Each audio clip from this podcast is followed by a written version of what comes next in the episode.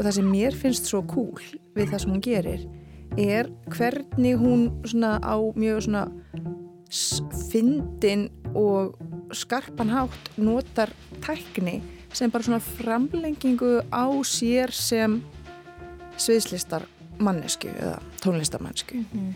Það er upphafsneisti hugmynd, símsvara skilabóð, sungininn, bulluð skulum við segja inn á símsvara á bílastæði fyrir utan kringluna. Lóri Andersson á TikTok og Unastalur Kýru Kýru. Ég heiti Bjarni Daniel og þetta er lestinn meðugudaginn 21. februar.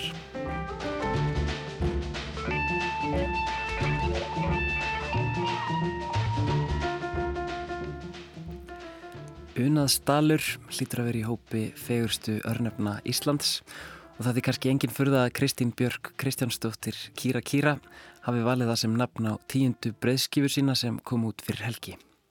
En tenging Kristínar við Unastal nær út fyrir fegurð nafnsins og ná ættir að reykja þangað. Við meldum okkur mót fyrir dag og hún saði mér frá þessari nýju plötu.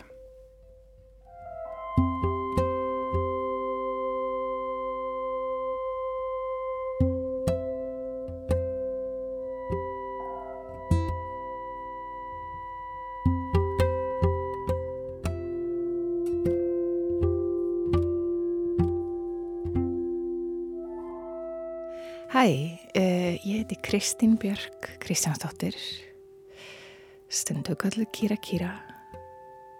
Og ég er ættuð úr Unaðstall á Snæfjallastrand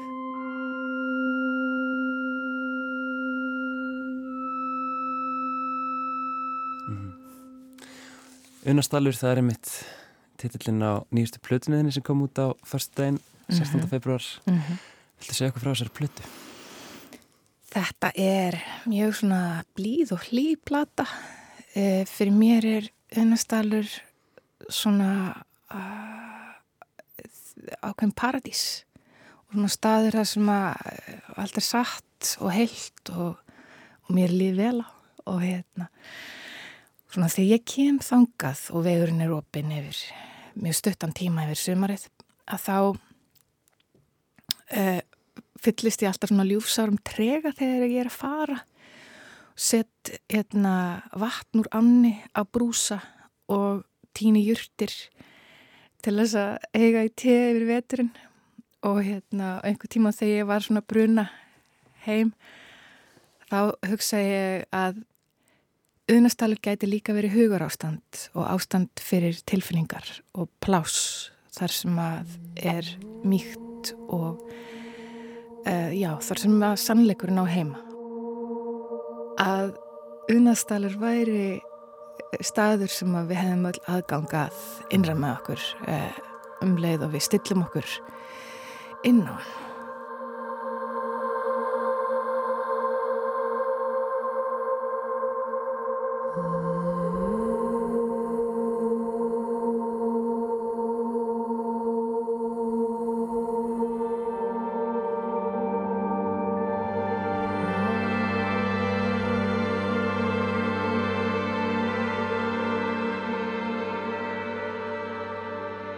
Svona nálgast það sem að mér ekki væntum í tónlist og e, eitt af því er ég elska að vinna með uh, góðu tónlistafólki og, og sunda á þessu tónlistafólki sem spilar á þessari plötu er er Heilmar Jænsson til dæmis við hefum verið að spila tónlist saman og fattaði ég í sko 25 ár. Og mér finnst ég en það vera bara 25 ára hann er sko e, það er eitthvað rétt og Eiríkur Orri Ólafsson hann er spilað á öllum plötunum mínum. Þetta er allt í allt tíu breyðskifur sem ég gefið út og hann hefur spilað á þeim öllum nema einni eða eitthvað svo leið sko. Og hérna þannig ég hugsaði þetta er eitthvað svona það er einhver fegur í treyðarböndum sem að haldast heili við svona langan tíma. Og orkan og tónlistin sem verður til að þetta er svo svona óþyndur og bara næringar ykkur kærleikur mm. og bæði sagt, í upptökuferlinu og það er svona sá partur af sköpunferlinu sem að mér ekki vænstum og það er þetta svona að bara að, að mæta til leiks með e, svona e, hljóðheim sem leikvöld fyrir e, til þess að bjóða fólki sem ég treysti síðan bara fyllilega til þess að tjá það besta sem að getur þótið í gegnum þeirra kerfi mm. og æná seglband en svo líka á sviði hef ég fundið svo stert fyrir undafarið og hérna spiliðum á Airwaves sem sagt hérna ég og Hermi Gervill og Ingi Garðar Erlendsson og, og hérna e, jú, Eiríkur var með við vorum þannig fjór og það var svo, svo góð stemning að, að það fréttist eftir á úr sal að það hefði bara verið mjög notalegt að hérna, vera einhvern veginn innan um bara uh, okkar hljóðfræðleikarnir allir eitthvað að knúsast svona milli laga og það verða að senda einhverja, einhverja hérna einhverja skemmtilega brandara með augunum yfir sviðið mm -hmm. og ég held bara að í frekar hörðum heimi og hrjúfum að þá uh, sé þetta bara svona einhvern veginn ákveðin uppreist mm -hmm. að vera bara með dóndrandi eh, vináttu og kærleika og, og læti sko. Einmitt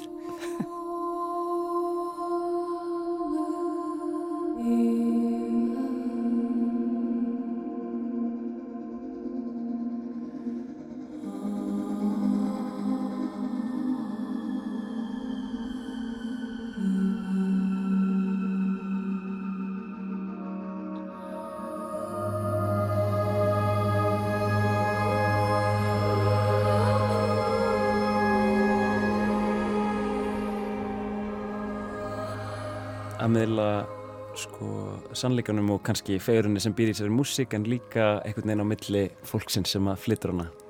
Algjörlega. það, er mjög fallegt. Og ég er ekkert feiminn með að segja það að sko tónlisti mín hún bara væri ekki það sem að hún er ef ekki væri fyrir þetta tónlistafólk. Og, og bara hvernig hérna bara allt þetta tónlistafólk hefur einhvern veginn samverðast mér í gegnum tíðina í leik og, og svona gáska og ævindira gleði, rannsóknar gleði og svona tilræna mennsku að því að svo er þetta orð tilræna tónlist að það hefur alltaf fyllt mér. En núna er tónlistin mín hún er orðin mjög svona melodísk og, og blíð ég er enda með tilbúin með náisplötu sem kemur næst. En ok, hér erum við. Jafnvæg, já, já, já, 100% sko, maður verður að leipa villikettunum út líka. En, en þa þarna er samt til staðar eh, viðmútið og hugurfarið sem að gerir tilruna tónlist að því sem hún er.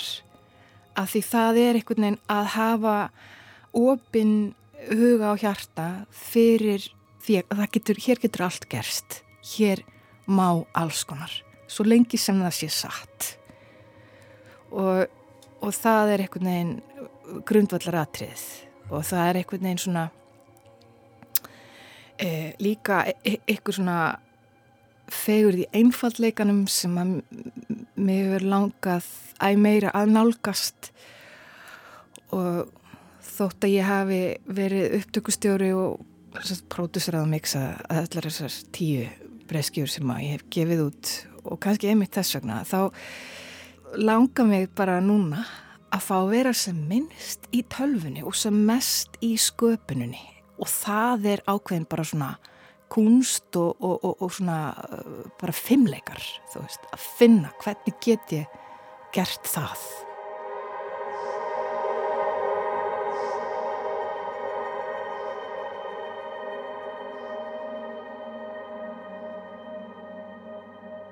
Hvaða leiðir ferður til þess, að, til þess að nálgast þetta markmið? Ertu þá að taka upp meira, um, hvað getur þú sagt, taka upp meira live eða hvernig vinnur þú með þetta markmið? Já, það er svona kannski aðeins mismunandi eftir, eftir hvað lag uh, á í hlut en oft uh, felur það í sér að vinna aðeins hraðar en samt yfir lengri tíma Þannig að þessi plata er kannski búin að vera svona þrjú ár í e, smíðum. En þá er við vorum að segja bara ok, það er, það er upphafsneisti hugmynd símsvara skilabóð sungininn bulluð skulum við segja einn á símsvara á bílastæði fyrir utan kringluna. Og það er sko fyrsti neistin í læginu nú er ég að tala um The Night at the Lighthouse part 1 og að einhvern veginn vera trú uppfæðlega neistanum fara síðan og, og tengja þessa hugmynd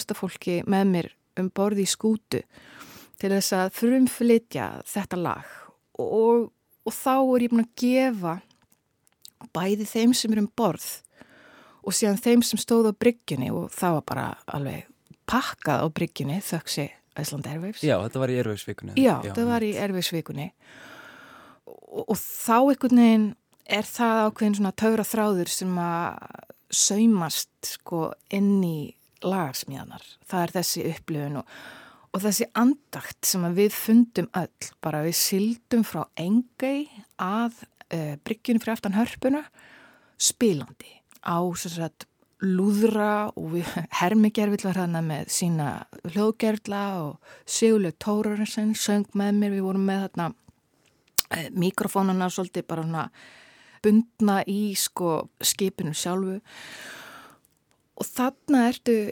komið með einhvern veginn hlæðslu sem að það er enginlega búið til þessa hlæðslu með að labba henni eitthvað, eitthvað hljóðverð þú veist. Mm.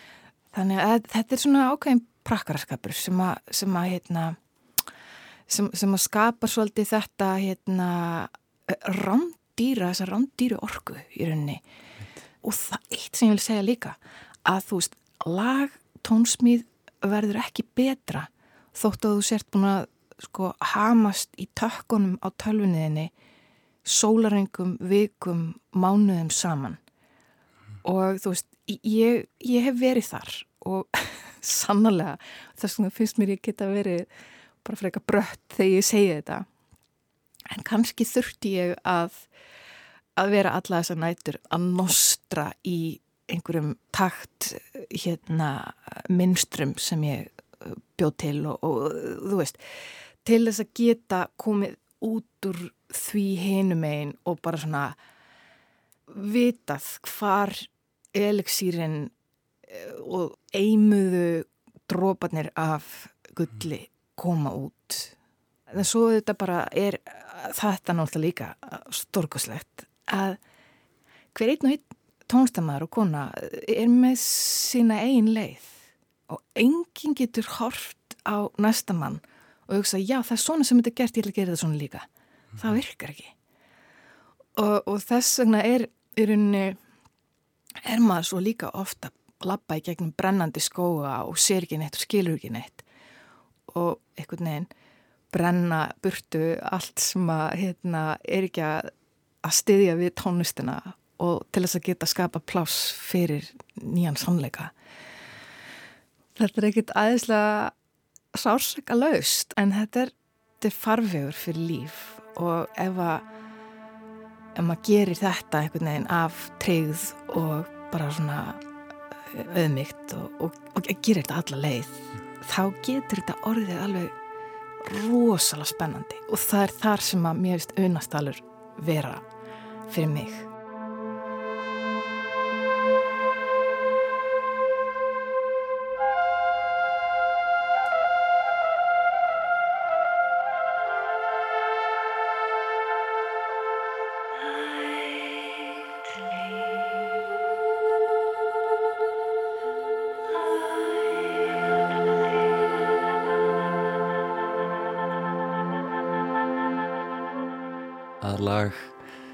Tónsmíð verði ekki endilega sko gæðin aukist ekki endilega þó að maður einhvern veginn liggi yfir uh, upptökunum og, og, og sé að já, fínpúsa uh, einhverjar upptökur og, og hljóðblanda út í endalösa uh, einfallleikin getur oft verið jafn áhrifamikill ef ekki áhrifa meiri hvernig nálgastu hann á þessari plötu?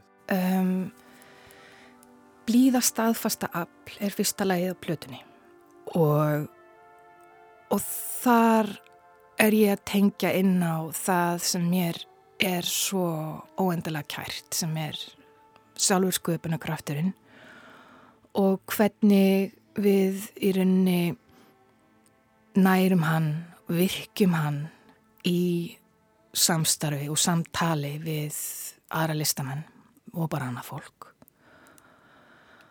Og þar finnst mér til dæmis koma ákveði atriði sem maður hefur verið svolítið að aflæra mm. og þetta er auðvitað eitthvað sem er mjög djúft í þjóðasálinni því að við komum af bændum og sjómunum og dugnaður er allt þannig að hvernig kemur dugnaður inn í tónlistarsköpun ok, það sem að mér hefur fundist lagað vara sig á er einmitt að sko nóða músík of lengi og sko, nei það er gott að sko tími er, er góður sko en að því að inn á milli þarf að anda. En það sem við þurfum að gæta okkur á fyrir mig allavega og þá tónlist sem að ég kem nálagt er að kásast ekki upp á þessa glóandi þræði sem eru kjarna tónlistarinnar.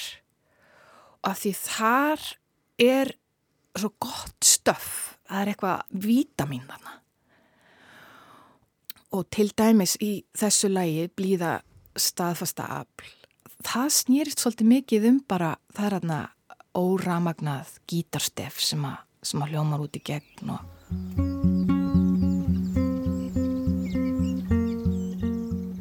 mjög svona blíður andríkur trompet sem að Eirik Róri spilar í fór, fengum að fara inn í domkirkjuna sem náttúrulega ljómar gullfallega.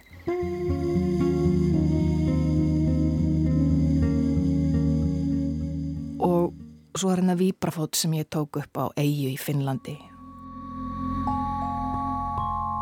Og fugglasöngur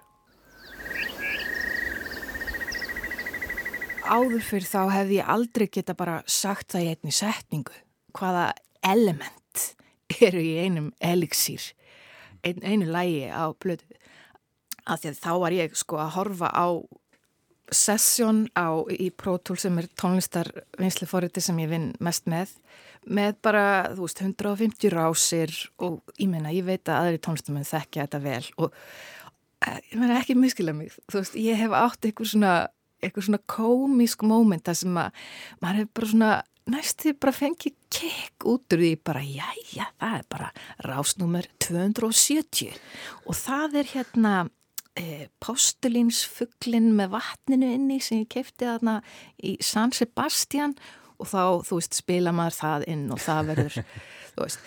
Og e, þetta er gaman líka en, en svo, svo er ég núna alveg hinum einn, bara ok ég er hérna með bara einhverja frum krafta og ég kláraði þess að plöta á jólunum. Og fugglasöngurum var það síðasta sem að fór inn í lægið og hafi verið tekin klukkan, þú veist, fimmum morgunin eh, fyrir utan stokksrið það sem ég bý. Og ég fekk þessu tilfinningu bara mm, þetta er komið. Og það var ekkert í mér sem að, og mér var þetta svo mikið frelsi. Það var ekkert í mér sem sagði byttu, en er þetta nóg? Unaslegt. Að má ekki vera neitt meira í þessu. Bara vitaminnið það er komið, þetta er bara rétt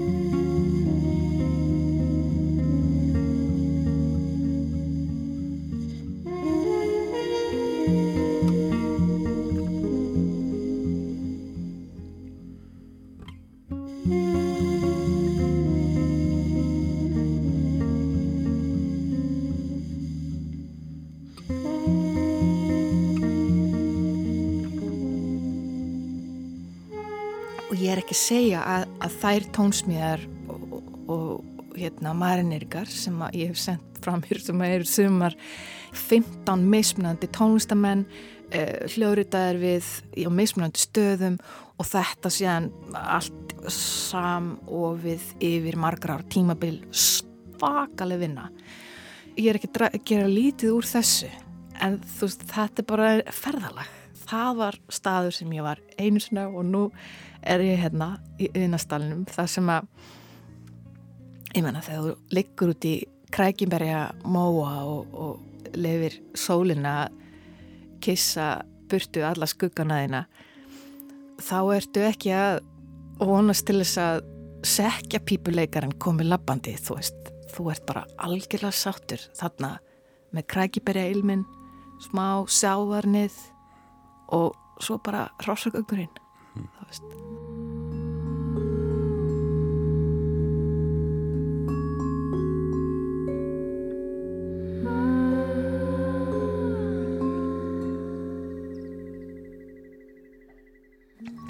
eins um að þú komst inn á áðan uh, hugmyndina um að, um að finna já, það sem er satt, sannleiksleitin þetta er náttúrulega eitthvað sem að ég held að sko margt tónlistafólk og listafólk auðvitað fæst við á, á ólíkan hátt að einhvern veginn að reyna að finna já, það sem er satt og, og sko og þegar maður jæfnvel byrjar að vinna með hugmynd að einhvern veginn sko já, að, að týna sér ekki finna það sem er satt í því sem maður er búin að einhvern veginn setja fram uh, Mér langar að tala um sko sannleikan í sambandi við textana kannski á þessari plötu. Það er ekkit öll lögin þannig byggð upp að þau einblýnir mikið á, á textana.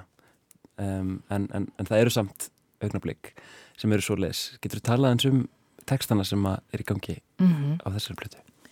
Um, það er einhver svona fölskvalauðs leikgleði sem að ég heitlast að.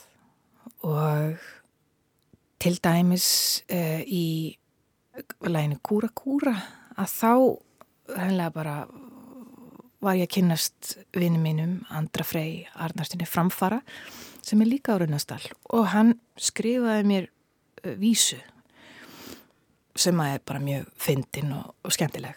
Og hérna úrvarð þess að þetta kúra kúra lag. Og þetta er í fyrst á einu skipti sem að ég nota texta eftir einhvern annan en mig en af því þetta var einhvern veginn svona sami til mín og hann hafði fáfast mér bara, herðu ég sem hérna, settist við uh, Píborgel sem Jóhann Gunnarsson fadir Jóhanns Jónssonar smíðaði og bjóð til þess að bara lægið á, á það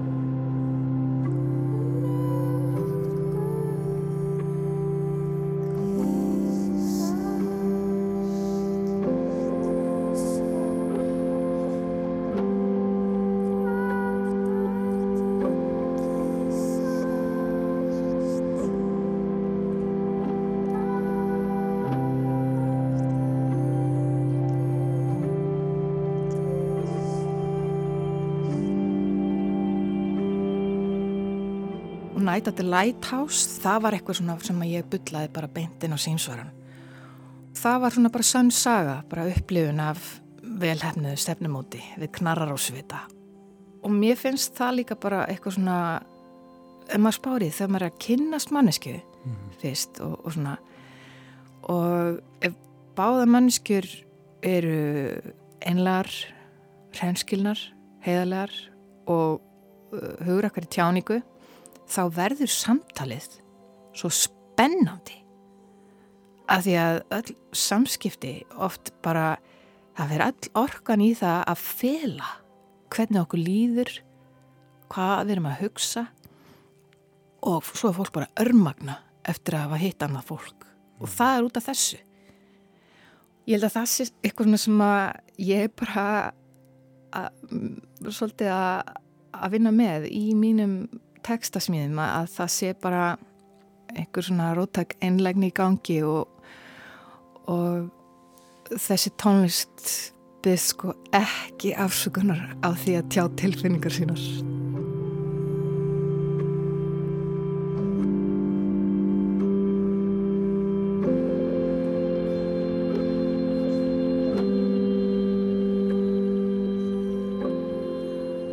Tónlist er svo mikið um tengingu. tengingu tónlistamanniskunar við sjálfa sig og svo við listamannina sem er að skapa tónlistina saman mm. og svo áhrendur getur áhrendin fundið lustandin uh, pláss í tónlistinni fyrir sig og að, að, að tengja inn í, inn í sínar upplifanir mm. og, og hvernig, hvernig getur það hjálpað þeim sem er að hlusta með það sem að þau eru að kljást við í hversteginu. Mm. Það er ástæðan fyrir að ég býti tónlist er bara að að kannski getur það sem að ég geri sett brós þar sem áður var skeifa mildað harðan dag hjá einhverjum og kannski er það svona fýbldjörf hugssjón en ég hef alltaf haldið triðið hana og ég tek það alltaf með mér bara að bjóða upp á svona frekar einlegt og berskjaldað spes mm -hmm.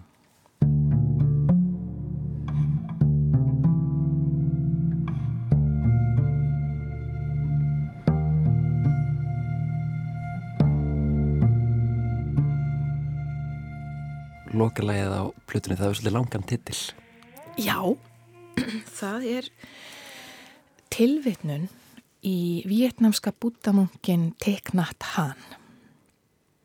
Og Hvað heitir leið?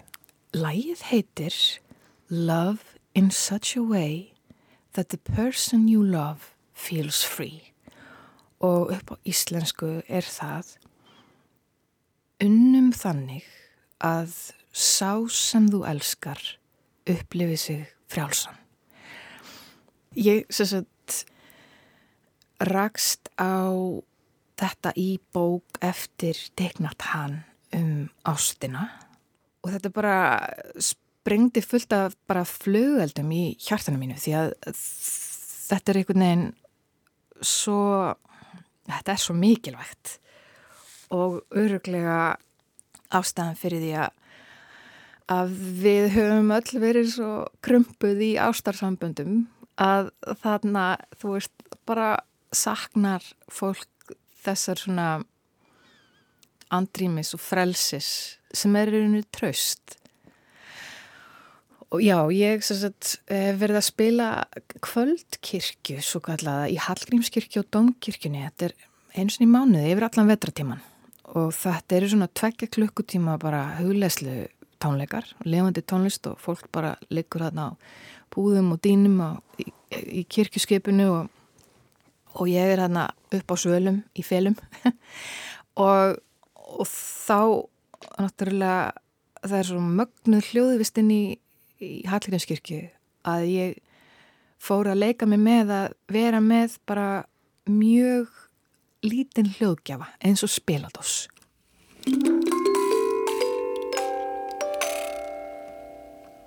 þannig að það er ekkert sem gerist ef maður það er spiladós og söngur. Og svo þessi dásanlegi teksti tegnat hann. Þetta er svolítið uh, kannski líka úr huglislu og jókaheiminum með möndruna að þetta að, að grýpa setningu sem að maður upplifir einhvers konar heilunum mátt í og bara riffa á henni þú veist, vel lengi þángat til að hún verður partur af e, efninu sem maður er búin til úr.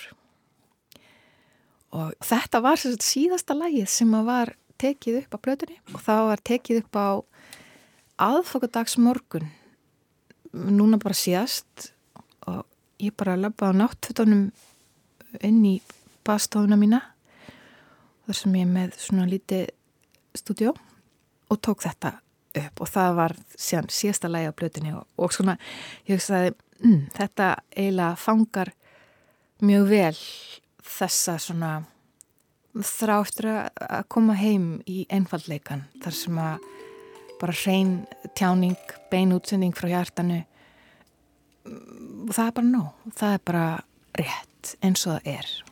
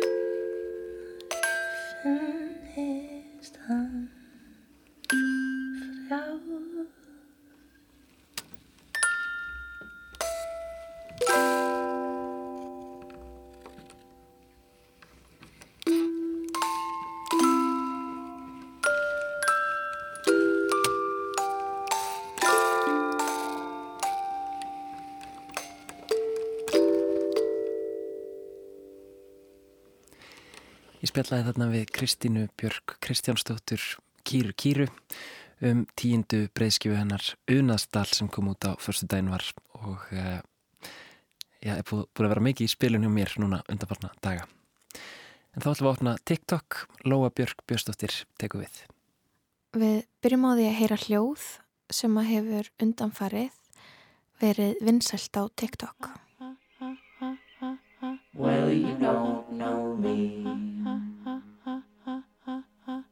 I know you Það er þetta brot sem er hljóðið á TikTok. Já, er Það það. er bara nákvæmlega þessi kapli. You don't know me but I know you. Já, you don't Já. know me but I know you. Já. Og þetta er svolítið svona, þetta er notað undir svona frekar... Og þetta brot sem við höfum þarna er brot úr læginu Ó Superman. Nánar tildegi brot sem að hefst á mínútu 1.49 sek. Þetta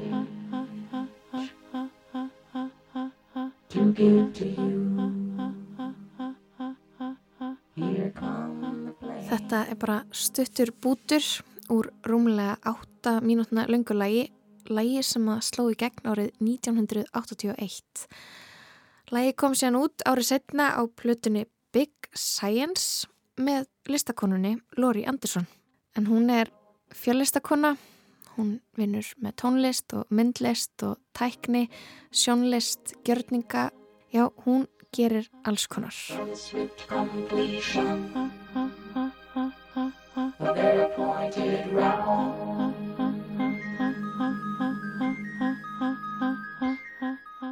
Ég rekst á það í Wikipedia-greininni um þetta lag og Superman að það hafi trendað eða orðið vinsælt sem hljóð á TikTok í november 2023 og ég hef upp á síðkastið verið að rekast á það reglulega.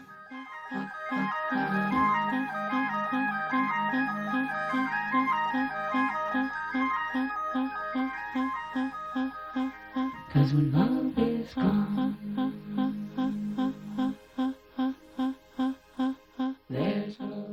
En hljóð á TikTok fyrir þá sem þekki ekki forritið, þau virka þannig. Þú getur sem sagt hljóðskreitt myndböndin og myndirnar sem þú setur inn um, með alls konar hljóðum. Til dæmis er sniðugt fyrir þá sem að vilja komast inn á algoritman hjá sem flestum að nota vinsælu hljóðin, hljóðin sem er að trenda. Og þá er mitt ratar myndbandi eitt víða. Er þetta nokkuð rugglingslegt? En hljóðin þau verða svona eins og mím sem eru endurunnin, fólk gerir sínar útgáfur, leikur sér með það og úr því verður til eitthvað sammeilegt tungumál, oftast eitthvað grín eða eins og í tilfelli þessa lags og Supermans brotsins eitthvað hjáttning. Já, þarna er sungið þú þekkir mig ekki en ég þekki þig. Well, you don't know me,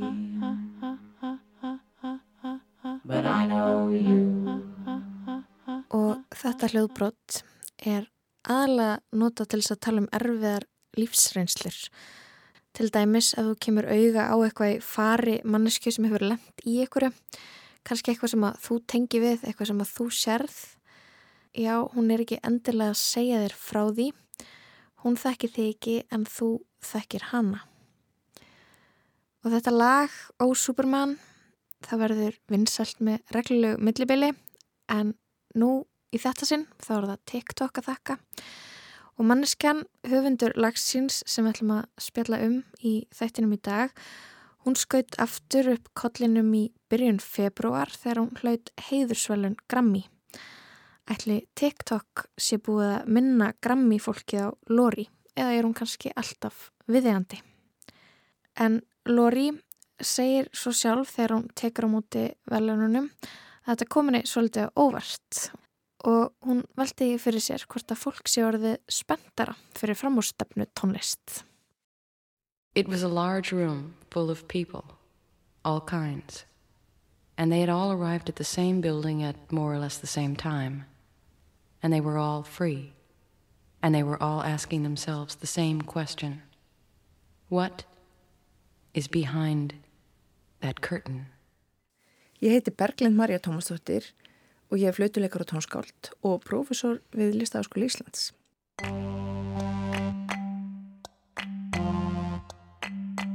Ég vekti minn góðan gest til þess að spjalla við mig um Lori og hlusta á tónlistinennar.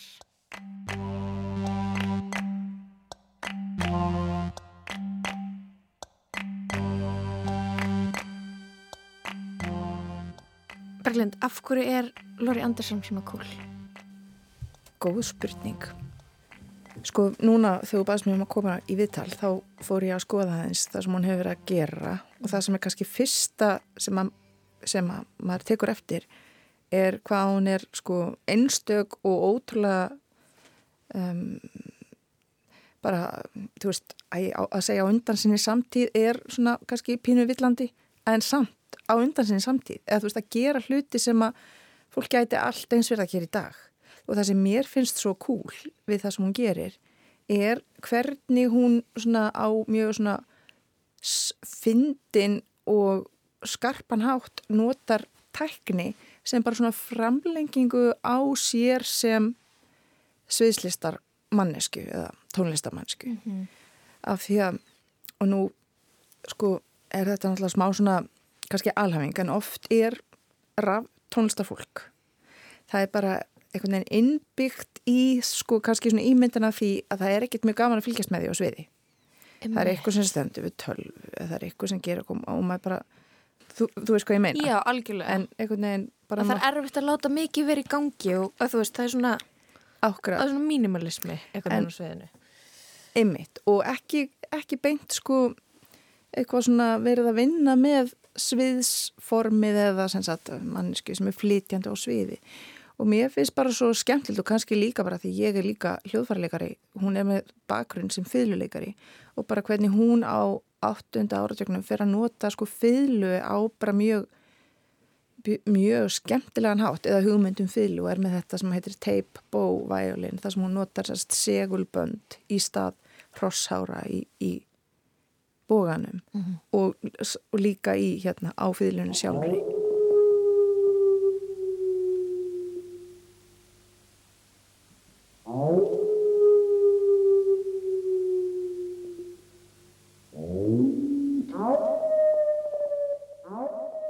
og líka bara þetta þetta, hvernig hún er alltaf að breyta röttinni með mjög svona já, þú veist, sem var mjög aðgengilegt eða var hægt að gera á þessum tíma líka. En það er bara eitthvað meira en bara það. Að því að, já, það er kannski bara þetta að ég og bara mjög margir held ég upplifa með tækni að hún verður sko fyrir að snúast um tæknina. Verður svona, uh, svo ég sletti svona gimmiki, svona bara vera að gera þetta af því að það er hægt að gera þetta. En mér finnst ég alls ekki fá það upplifun svona þegar ég horfi yfir það sem að hún er að gera það er eitthvað svona sögn í því en það er samt eitthvað svo fáranlega flott hvernig hún er að nota þá tekni sem hún býr yfir hverju sinni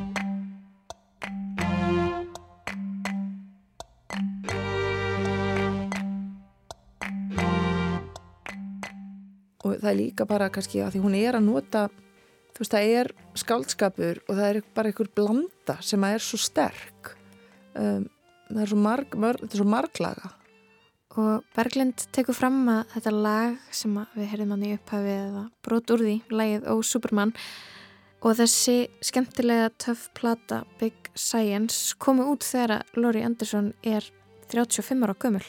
Hennar fyrsta verk sem verður svona vinsalt meðal almennings en Lori hafði gengið ágætlega vel í list heiminum en þarna springur hún út og verður heimsfræg.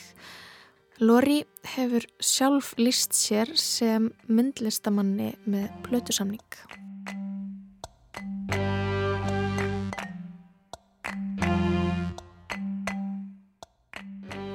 ég, ég kann ekki að staðsetja hana í ykkur svona listasenu ég hef reyndar fyrir, hvað, það eru ekkert mjög mörg ár síðan ég sá svona mjög stórar síningu á verkumennar í, í stóru safni í Massachusetts. Ég held að það heiti MoCA Massachusetts. Mm. nútíma listasafni þar. Og það var náttúrulega mjög svona stór, á stórum skala þannig að, að það er alltaf einhver mælikvarði, ég menna hún er náttúrulega einhvern veginn með mikinn status. Um, ég held samt að, að það sé ekkit svona þvert á alla greinar, það sé ekkit annað hægt en að dást að því hvað hún sko svona áreinslu laust bara er mjög þvert á. Og það hljómar alltaf svolítið þannig eins og tónlistin sem hún gerði. Þetta var ekki eitthvað markmi hjá hún að slá í gegn á þessum skala þú veist sem þannig að Superman-lægið gerði á sínum tíma. Mm -hmm. það bara gerðist einmitt. Um, og sem opnaði þá væntalega rosalega margt annað fyrir henni. En kannski var það einmitt alls ekkit eitthvað hennar sko, hún var bara búið til sína list Og svo verður það óvart já, ótrúlega vinsælt já, og er að verða vinsælt eftir í dag. já, sem er ótrúlega áhugavert en svo skil maður það alveg út frá bara hvað þetta er þetta er svo stert lag Mhm. og sterkur text og bara stemmingin þetta er mjög svona, já, mjög stert verk í raunni Oh. Oh,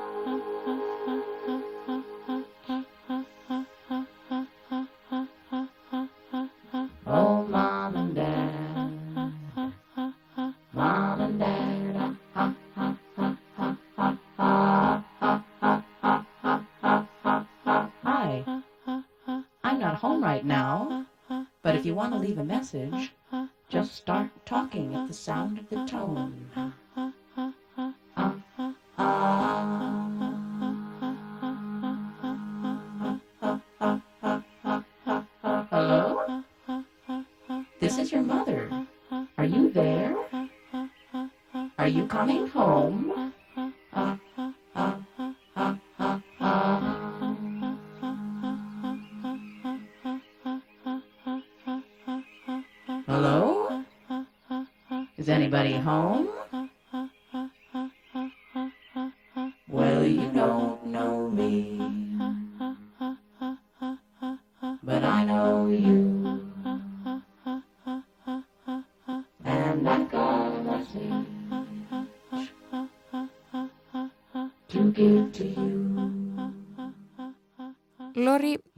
Sinni æfi fengist við alls konar. Hún hefur búið til skúltúra, skreitt barnabækur, skrifað gaggrinni í listatímaritt, spilað á fiðlu auðvitað, lært listasögu og hlotið masterskráðu í skúltúrgerð.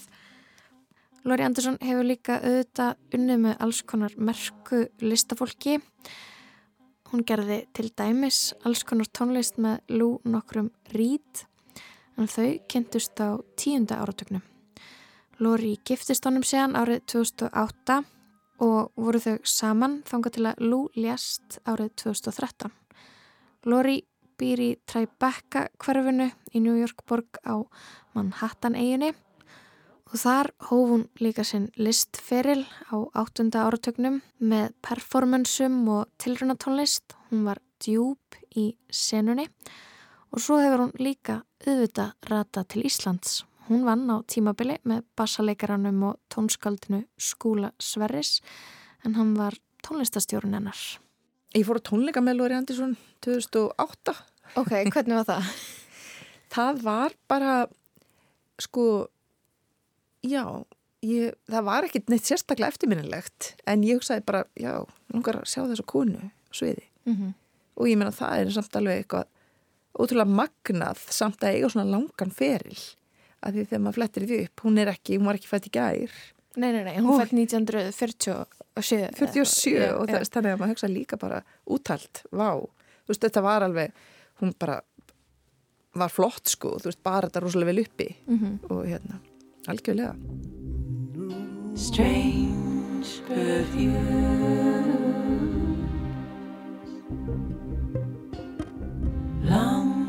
Long lost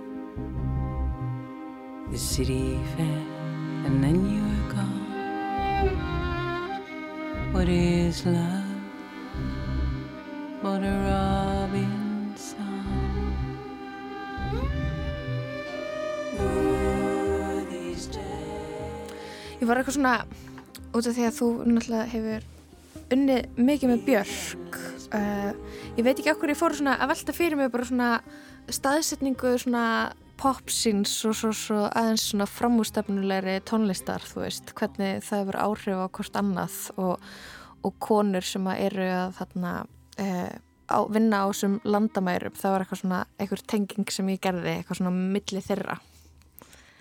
Já, örgla er hún bara til, ég man allavega að hún kom á Lóri Andersson kom á tónleika sem að uh, sem sagt, á Bjarkar tónleika 2019 í New York. Mhm. og ég man eftir að hafa heilsað upp á hana og hún var mjög bara alþýðileg og kamó og, og indisleg um, hérna, ég meina þær tverja að kannski sammeilegt að það er svona bara synda í gegnum alls konar listform og það er ekki það er ekkit, ekkit tiltökum mál eða þú veist það er ekkit svona það er, það er ekkit svona það er bara svona áreinslilaust þvert á, á listgreinar mm uh, þótt að sé, ég meina sérstaklega Björk náttúrulega snúist um tónlist fyrst og fremst. En líka búin að vera búa til hljóðfæri, held ég. Algjörlega, Aha. já. Og svona mikil nýsköpun. En, þarna, en hafa náðu ykkur um svona, en Björk náttúrulega miklu, miklu, svona miklu meiri svona almennri velgengni þó þær séu einhvern veginn um, að gera mjög, mjög tilruna kent dót sem að einhvern veginn Mm bara virkar fyrir almenning greinlega. Algjörlega. Mm Mér finnst bara, sko, þegar ég er eitthvað svona að skoða verkin hennar Lóri Andersson, þá verð ég strax rosalega svona spennt fyrir þessu sem hún var bara að gera á áttunda áratögnum -hmm. og þá er ég bara, að þú veist, þegar maður les bara þessar lýsingar eins og eitthvað bara verk fyrir bílarflautur og þú veist, mjög svona og eitthvað sem tengdist hérna, mm, hérna skautum að spila og, og, og sérst, já, Mhm. ísskautum sem sagt, Mm -hmm. Það er bara eitthvað ótrúlega skemmtilegar tilröðin í gangi Black Velvet. Black Velvet. We're all velvet. Where does love en hún er, bara, hún er bara svo áhugaverð stærð, veist Mhm. og hún er líka með þetta kannski, það er ótrúlega flott í rauninu að það sé verið að segja hérna er þessi mannskja við skulum láta hann að fá þessi verðlaun það er líka bara svo mikil mikil hérna, sögn í því að, Mhm.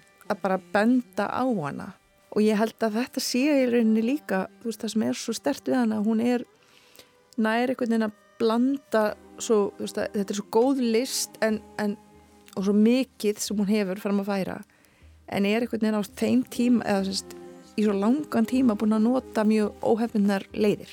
Sem sagt tilrunakenda leiðir tilruna, mjög tilrunakend tónlist sem óvart var bara rosalega vinsal poptónlist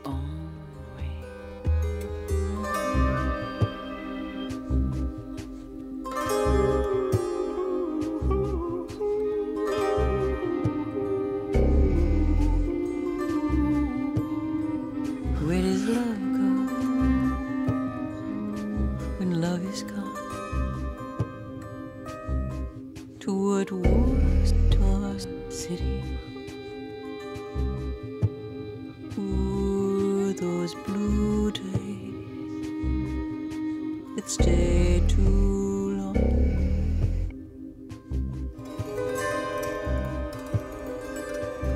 Yours, the one. Who the one?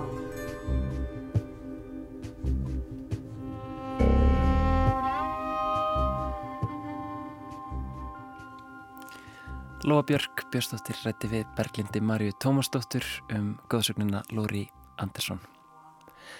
En lestinn er þá komin að leiðalokum þennan miðugudaginn. Ég heiti Bjarni Daniel og þakka fyrir samfélgina. Tæknumar í dag var Lítja Gretastóttir. Við ætlum að ljúka þættinum í dag á gömlu og góðu lægi eftir hljómsveitina Diabolus in Musica sem nefnist Rumba í baði og heyrumst svo aftur á morgun.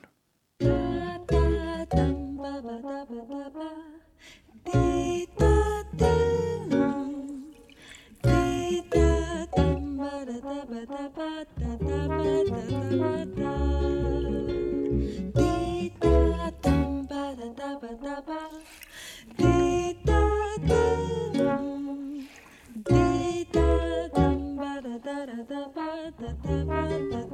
da